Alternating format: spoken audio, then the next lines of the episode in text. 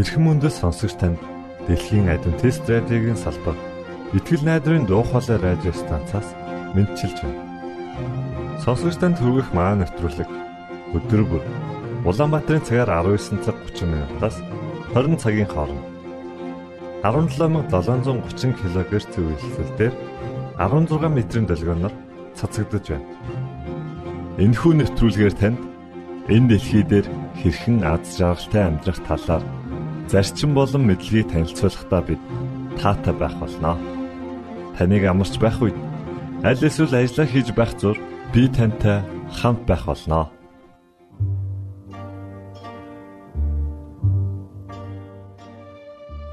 Өнөөдрийн хөтөлбөр боловсрал нэвтрүүлгийн түүхэн хүмүүс зурлаар эхлэх болно. За харин үүний дараа таны нэр мөнхөд ариун дууг танд төлөвлөж байна. Үргэлжлүүлээд Есүсийн амьдрал хэмээх гайхалтай номыг танд аудио хэлбэрээр хүргэж буйлаа. Ингээд та нэвтрүүлгүүдэд хүлээн авна уу?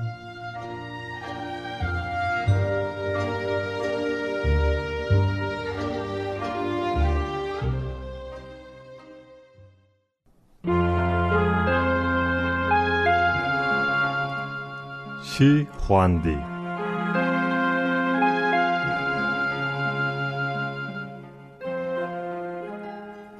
Бүх хиттийг нэгтгэсэн дарангуйлагч хаан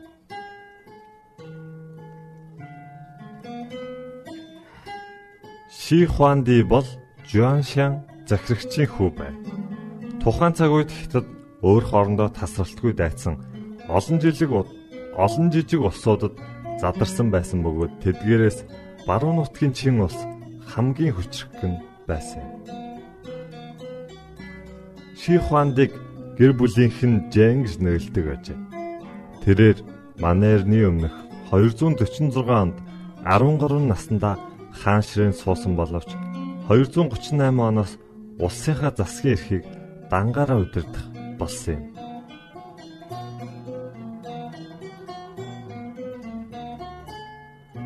Манерны өмнөх 228-аас 21 оны хооронд тэрээр цус дайныг явуулж улсынхаа газар нутгийг тэлв. Мөн өнгөрсөн үеэс бүр мөсөн салахын тулд тэрээр Ши Хуан Ди буюу Европоор Цезар гэсэн үгтэй утга нэг нэрээр өөрийгөө өргөмжлөлөө. Ши Хуан Ди хаан ширээн суусан эхний үедээ л өөртөө бунхан бариулж эхэлсэн бөгөөд 1974 онд түүний бунхны ойролцоо шавар арим олцсон ажээ. Ши Хуанди олон шинжлэлийг удирдах явуулсан билээ. Тэрээр хиттийн эзэнт гүрнийг цэрэг захиргааны 36 бүс нутагт хувааж орон нутгийн удам дамжсан захирагчдын эрх бүхий хуучин ёсыг халсан юм. Үүний улмаас нэг мужийн захирагч хэдэн жилийн дараа өөр мужийн захирагч болон шилждэг байсан нь захирагчдыг тухайн газартаа хүчрхэгжин бэхжихээс сэргийлдэг байна. Тэрээр өршөөгдсөн язгууртнуудын гэр бүлийнхнийг өөрийн хараандаа байлгахын тулд бүгдийг нь нийслэл шаняан руу нөх зэрлэг буулгасан аж. Мөн улс даяар жин хэмжүүрэн нэгдсэн систем нэг мөнгөнд тэмдэгт хууль бичиг үсгийн загварыг тогтоосон байна.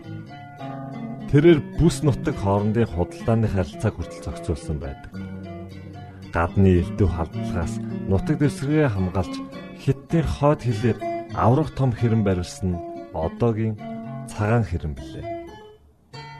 Чингүрний өмнөх эзэн хаадууд чанга хатуу хуйл цаазан дор ард түмнээ захирч түүнийг зөрчсөн хэнийгч болов хатуу шийдгэж цаазар авах ял хүртэл тулгадаг байна.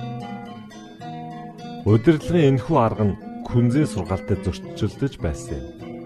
Сайн удирдагч өөрөө өндөр ёс суртахуунтай байж амьдралаараа харийн албатуудаа үлгэр дуурай болох ёстой гэж күнз номлодог байна. Тиймдээ Ших Хуанди өөрөө дарангуулагч эзэн байсан учраас күнзийн сургаалыг дагахстыг хавчиж эхэлсэн бөгөөд улмаар Манерны өмнөх 213 онд күнзийн сургаалын бүтээлүүдийг олны өмнө шатаахыг зарлиг болгосон аж. Мөн 460 намлагчдыг амьдаар нь болохыг зарлигдсан байна. Улс орноо захирч байсан энэхүү арга барил нь түүнийг олон дайсантай болгож олон удаа түүний амьд халтахыг оролдож байсан ч амжилтад хүрээгүй. Ших Ванди манай эртний өмнөх 210-нд таалалт өгсөж. Ших Вандигийн ололт амжилт. Ших Ванди бол бүх хитлийг нэгтгэж чадсан хаан юм. Тэрээр олон тооны шинжлэлийг хэрэгжүүлж, жин хэмжүүр, хууль эрх зүйн, бичиг, мөнгөн тэмдэгтийг нэгдсэн системийг бий болгосон аж. Үүний ачаар хиттийн соёл одоо хүртэл нэгэн цул болон хадгалагдаж үлдсэн байна. Чингүрний төгсгөл ирж Ших Ванди таалал төгсөн хэдий ч дараа дараагийн эзэнт гүрнүүдэд түүний засаглалын систем өвлөгдөн үлдсэн бол харин хууль цааз нь баг зэрэг зөвлөрч күнзийн философиг дагах болжээ. Мөн тэрээр шавар армийн бунханг бариулсан байна. Энэ нь том багаараа амьд хүний хэмжээтэй шатаасан шавар бүхий хааны жинхэнэ цэргүүдийг дуурайлан хийсэн 7000 гаруй цэрэг эрс болон мордын хөшөө юм. Уг хөшөөг бүтээгчид хийсэн бүтээлүүд болгондоо өөрсдийн тамгаа үлдээснээр тэдний нэр өнөө үед хадгалагдаж үлдсэн байна. Шавар армиг хааныгаа хамгаалах зорилттой бүтээгдсэн байх гэж таамагладаг бөгөөд бунхныг 1974 онд санамсаргүйгээр нээжээ. Сонсогч танд боловсрал нэвтрүүлгээс бэлтгэн хүргэдэг түүхэн хүмүүс цувралын шин дугаарыг хүргэлээ. Дараагийн дугаараар уулзлаа. Түр баярлалаа.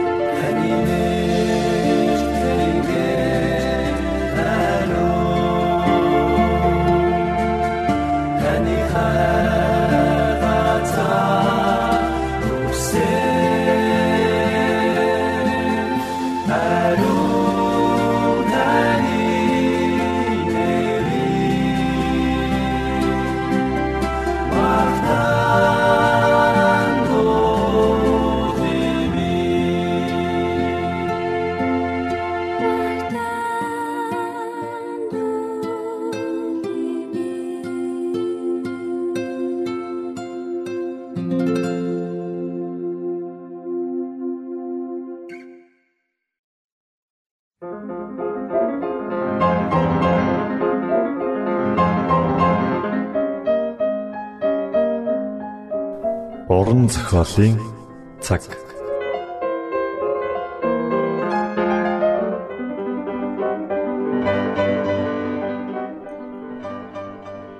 Йосеф Мари хоёр хүү Есүсээ хууль заасан ёсоор тахилчид авчирлаа. Эцэг эхчүүд хүүхдүүдээ өдөр бүр дуган даваачдаг байсан. Сүмийн тахилч Йосеф Мари хоёрыг бусад эцэг эхчүүдээс ялгахгүйгээр харьцаж байв. Учир нь тэр хоёр бусдын адил эгэл жирийн хүмүүс байлаа. Тахилч бяцхан Есүсийг ч бусад нэлэх хүүхдүүдийн адил гэж бодож байсан. Тэрээр Тэнгэрийн ариун сүмийн тэргүүн тахилч бөгөөд энэ дэлхийн аварчийг тэрвэрч байгаагаа анзаараагүй. Хэрв тэр Бурхны үгийг дагаж байсан бол эзэн энэ бүхнийг заан сургаж хэнийг гар дээрээ өргөж байгааг нь мэдрүүлэх байв. Энэ үед Бурхны үнэн ч үйлчлэгчд болох Симеон, Ана нар сүмд байлаа. Тэр хоёр бурханд өтөл болтлоо үйлчлээ ирсэн билээ. Бурхан бардам ихэмсэг хуваа хичээх сүмийн тахилчид үзүүлээгүй зүйлсээ тэр хоёр настанд харуулсан. Бурхан Симеонд энэ дэлхийн аврагчийг харах хүртэл чи нүд анихгүй гэж амласан гэжээ. Тэрээр Есүсийг харангуйтаа энэ бол амлагдсан нэгэн хэмээн таньжээ. Диважингийн зөөлөн гэрэл Есүсийн царайг гэрэлтүүлж байлаа. Симон хүүг тэрэн бурхан талархал өргөв. Тэрээр Эзэн та өөрийн үгийн дагуу боол намаагаа амар тайван явуулдах бай. Учир нь миний нүд таны авралыг харлаа. Та үүнийг бүх ард түмний өмнө бэлдсэн билээ. Энэ нь харь өмсдөн илчлэлийн гэрэл таны ард түмэн болох Израилийн алдар нь болоо гэж хэлв. Анна бол иш үзүүлэгч эмэгтэй. Энэ мөчөд Анна хурж ирээд Бурхан талархал өргөн Иерусалимын золилтыг хүлээж байсан бүхэнд түүний тухай үргэлжлүүлэн ирэв. Бурхан даруй төлөв хүмүүсийг өөрийн гэрч болгон сонгодог. Бурхан энэ дэлхийн хувьд агуу тооцогддог бүхнийг үл ойшоодог гэж. Учир нь тэд Бурханыг үл хүндэтгэн түүний үйлчлэлийн талаар боддгүй ягаад зөвхөн өөрсдийнхөө төлөө л үйлчилж өөрсдийгөө өргөмжилдэг. Иймээс бурхан тэднийг өөрийн хайр өршөөлийн талаар бусдад хэлүүлэхээр сонгох боломжгүй болсон. Есүсийн эх Мария Симоны иш үзүүлэн зөгнснийг тунгаамдсаар байв. Мария бяцхан хүүгээ хараад Бэтлехемийн хончдын хэлсэн үгсийг санан баяр хөөр итгэл найдвараар дүүрсэн. Симеоны хэлсэн үгс иш үзүүлэгч Исаягийн зөвнөлийг майраад сануулжээ. Эдгээр зөвнөлийн гайхалтай үгс Есүсийг зөвнөснийг ойлгов. Учир нь бидний төлөө хүүхэд төрж бидэнд хүү өгөгдөнө. Засаглал түүний мөрөн дээр байх болно. Түүний нэрийг гайхамшигт зөвлөгч хүчит бурхан мөнхийн эцэг инхийн жонон гэж дуудана.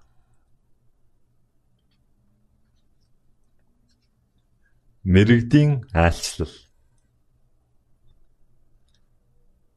Бурхан Христ энэ дэлхийд ирэх болно гэдгийг мэдүүлэхийг хүсэж байсан. Сүмийн тахилчид аврагчийн талаар хүмүүс заах ёстой байтал өөрсдөө энэ талаар мэдэхгүй байжээ. Тиймээс Бурхан Тэнгэр элч нараа хончтод илгээж Христ мэндэлсэн мэдээг болон түүний хаанаас олж болохыг хэлж өгчээ. Есүсийн аав ээж нь хүүгээ сүмд аваачхад Зарим хүмүүс Есүсийг аврагчаа хэмээн хүлээн авсан билээ. Бурхан Симеон болон Аннаг амлагдсан аврагч Месиа бол Есүс болохыг баяр хөөртэйгээр хуваалцаасаа хэмээн урт наслуулсан. Бурхан энэ дэлхийд Христ ирснийг еврейчүүд болон бусад хүмүүст мэдүүлэхийг хүссэн. Тиймээс Алс дорндод мэрэгэн хүмүүс аврагч Месиагийн талаарх иш үзүүлэлтийг судалжээ. Тэд аврагч удахгүй ирнэ гэдэгт итгэв. Гэтэл еврейчүүд эдгээр мэрэгдийг харин хүмүүс гэж үзсэн боловч мэрэгд хуурамчтай шүтдэггүй хүмүүс байв. Мэрэгд бурхны хүслийг үлдэж үннийг мэдхийг хүсдэг шудраг хүмүүс байжээ. Бурхан хүний зүрх сэтгэлийг мэддэг. Тиймээс тэрээр эдгээр хүмүүст итгэж болно гэдгийг мэддэж байсан. Мэргэд хуваа хичээсэн бардам сүмийн тахилч нараас илүү тэнгэрийн гэрлийг хүлээн авах ус зүрх сэтгэлтэй байлаа. Мэргэд гүн ухаан судалдаг байв. Тэд байглаас Бурхны ур бүтээлийг судлан үзээд түүнийг хэрхэн хайрлаж хүндлэхийг суралцсан. Тэд шөнийн тэнгэрийн гайхамшигыг судлах туртай байсан. Тэд шинэ од олж харуул ямар нэгэн агуу үйл явдал болох гэж байна гэж боддог байжээ. Бэтлехемийн хончид Тэнгэрлэгч нар үзэгдсэн тэр шөнө мэрэгд Тэнгэр содон гэрэл гарахыг анзаарчээ. Энэ гэрэл Тэнгэрлэгч нарыг хүрээлдэг сүр жавхлангийн гэрэл байв. Энэхүү гэрэлд замхан алга болох үе Тэнгэрт нэгэн шин од бий болсныг мэрэгд харсан. Тэд эртний нэгэн зөгнөл болох Яаковоос од гарч ирэн Израилаас очир таях босно гэдгийг санджээ. Энэхүү од аврагч Месэ ирснийг бэлэгдэж байв. Мэргэд тухайн одыг дагснаар хан хүрхийг нь олж мэдхээр шийджээ. Тэр од мэрэгдийг хөтлсөөр юудэчүүдийн нутагт тавиачав. Мэрэгдийг Иерусалим хотод ирэхэд од бүдгэрсээр чиглэлээ алдахад хүргэжээ. Уг нь еврейчүүд тэрхүү мэрэгдийг аврагч руу хөтлөн хөрөх хүчтэй байсан хэдий ч мэрэгд өөрсдөө Иерусалимд очиод еврейчүүдийн саяхан мэндэлсэн хаан хаан байна вэ? Бид түүний одыг дорн зүгт байхыг олж хараад хаанд хүндэтгэл үзүүлэхээр ирлээ гэж асуув. Херод хаан болон бүх Иерусалимчууд үүнийг сонсоод бачимдаж гин. Тэгээд бүх ахлах тэхэлж болон хуулийн багш нарыг цуглуулад Христ хаанд хөрөх ёстой лавлаж эхлэв. Тэгтэл тэд түн Юудан Бэтлехэм учир нь иш үзүүлэгчийн битснэр гэж хэлжээ. Херод хаан тэтмийг нь булаах шинэ хааны талаар сонсохыг хүссэнгүй. Ингээд Херод одыг хизээ анх харсан болохыг мэрэгдээс лавлан асуужээ. Хаан мэрэгдийг Бэтлехэм рүү илгээгээд "Яв, тэр хүүхдүүдийг сайтархаа. Түүнийг олмогцоо надад мэдэгдэх тун. Би бас очиж түүн бөргөнө гэлээ." Мэрэгд энэ үгсийг сонсоод даруй замдаа гарчээ. Тэгтэл тэдний зүүнтэд харсан од тэдний өмнө явсаар хүүхдийн байсан газарт хүрээ тогтов. Тэгээд гэрст орж их Мариагийн хамт байгаа хүүг хараад цөгдөн түүнд мөргөж Эрдэнсийн хайрцгаа нээгээд алт гүгэл мэрийг бэлэг болгон барив. Мэргэд хамгийн эрхэм мөнтэй бэлгээ аврагчид авчирсан байв. Эдгээр мэргэд бидэнд гайхалтай үлгэр жишээ үзүүлсэн. Бид энэ дэлхийн анд найз нартаа бэлэг өгдөгч бүхий л ивэлийг хайрлаж Тэнгэрийн найзтай бэлэг өгөөд байдаггүй лээ. Бид ингэж болохгүй. Бид Христэд шилдэг бүхнээ буюу цаг хугацаа, мөнгө, хайр инэрлээ бэлэг болгон өгөх учиртай. Херод хаан Есүст хүндэтгэл үзүүлэхийг хүсэж байна гэж худлаа хэлжээ. Угтаа бяцхан хүүг олоод устгахыг хүсэж байв. Херод хаан аврагч өсөж том болоод хаанчлыг нь булан авнахээс айж байлаа. Мэргэд Херод хааны хүснээр Есүсийн хаан байгааг мэддэхийг хүсэж байлаа. Гэтэл Тэнгэр эснэр мэрэгдийн зүүдэнд үзэгдэж өөр замаар буцахыг зөвлөжээ. Тэднийг явсны дараа эзний Тэнгэрлэгч Йосефийн зүүдэнд үзэгдэж бос хүүхдүүдийг ихтэй нь авч Египт рүү зогт. Намайг чамд хэлдуулахтал тэндэ бай. Учир нь Херод хүүхдүүдийг хөнөөхөр ирж хаах гэж байна гэжээ. Үүнийг сонссон даруйда Йосеф өглөө болохыг хүлээлгүй шууд замдаа гарахаар шийджээ. Ингээд Мария болон Нэлхүүгээ аваад тэр шөндөө холын замд гарчээ. Мэргэд Есүст асруунтай бэлэг бэлгэлсэн аж. Ийхүү бурхан тэднийг Египт орох замын зардал болон буцаад нутагтаа эрсэл байх хугацааны хэрэгтэй бүх хил хэрэгцээг нь хангаж өгчээ. Мэргэдийг өөр замаар нутаг руугаа буцсан тухай хэрэг сонсоод ихэд хэлгэнэ. Бурхан иш үзүүлэгчдэрээ дамжуулан Христ ирэх тухай зогссныг Херод хаан сайн мэдэж байсан. Тийм ч учраас Бурхан мэрэгдийг одоор замчлан ирүүлсэн юм. Херод хаан энэ бүхнийг мэдсээр байж Есүсийг устгахыг санаархсан. Уур хилэндээ автсан хаан Бэтлехэм болон түүний ойр орчимд хоёр болоод түүнээс доош насны эр хүүстэй бүх хүүхдийг хөнөөлөхөөр цэргүүдээ илгээсэн. Хүн бурхныг эсэргүүцэн тэмцэлтэн гэдэг үнэхээр хачирхалтай юм. Ямар ч гин буруугүй олон хүүхдийн амьд хүрнэ гэдэг ямар жигшүүртэй хэрэг байсан бол Херод үүнээс өмнө олон бузар зүйл үлдэж байсан. Тиймээс түүний бузармуу амьдрал удахгүй эцс болох нь дамжиггүй. Тэрээр жигшүүрт өглөөр амиа алдсан юм. Йосеф Мария хоёр Херод хааны нас бартлыг Евтээс буцаж ирээгүй. Тэнгэрлэгч Йосеф дээр ирж бос хүүг ихийнх нь хамт авч Израиль нутагт оч. Хүүхдийн амийг хайгчад өгсөн гэв. Йосеф Есүсийн төрсэн газар болох Бэтлехэм сууршихаар төлөвлөж байсан ч Юудэ нутаг руу ойртох үедээ Херод хааны хүү хаанчилж байгааг олж мэджээ.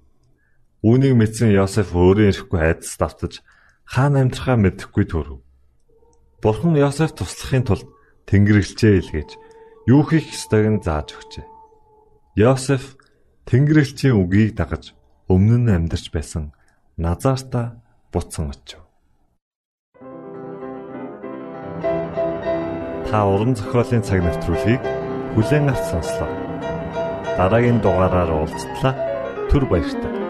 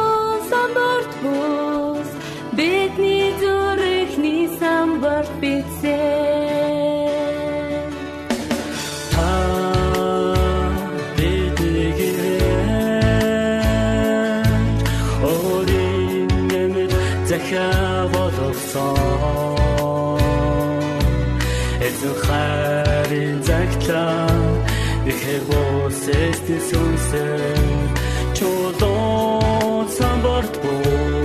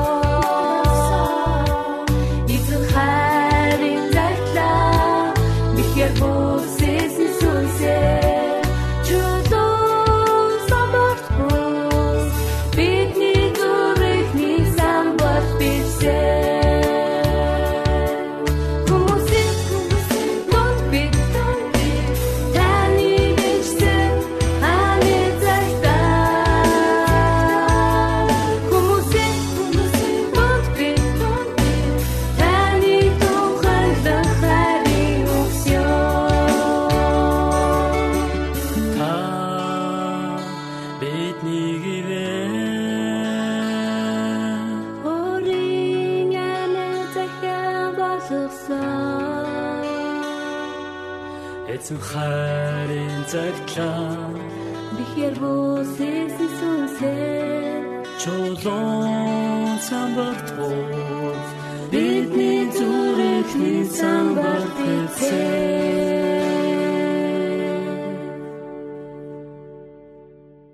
Итгэл найдрын дуу хоолой радио станцаас бэлтгэн хөрөгдөг нэвтрүүлгээ танд хүргэлээ. Хэрв та энэ өдрийн нэвтрүүлгийг сонсож амжаагүй аль эсвэл дахин сонсохыг хүсвэл бидэнтэй дараах хаягаар холбогдорой. Facebook хаяг: Satiin үсгээр Монгол заавад AWR Имейл хаяг mongol.awr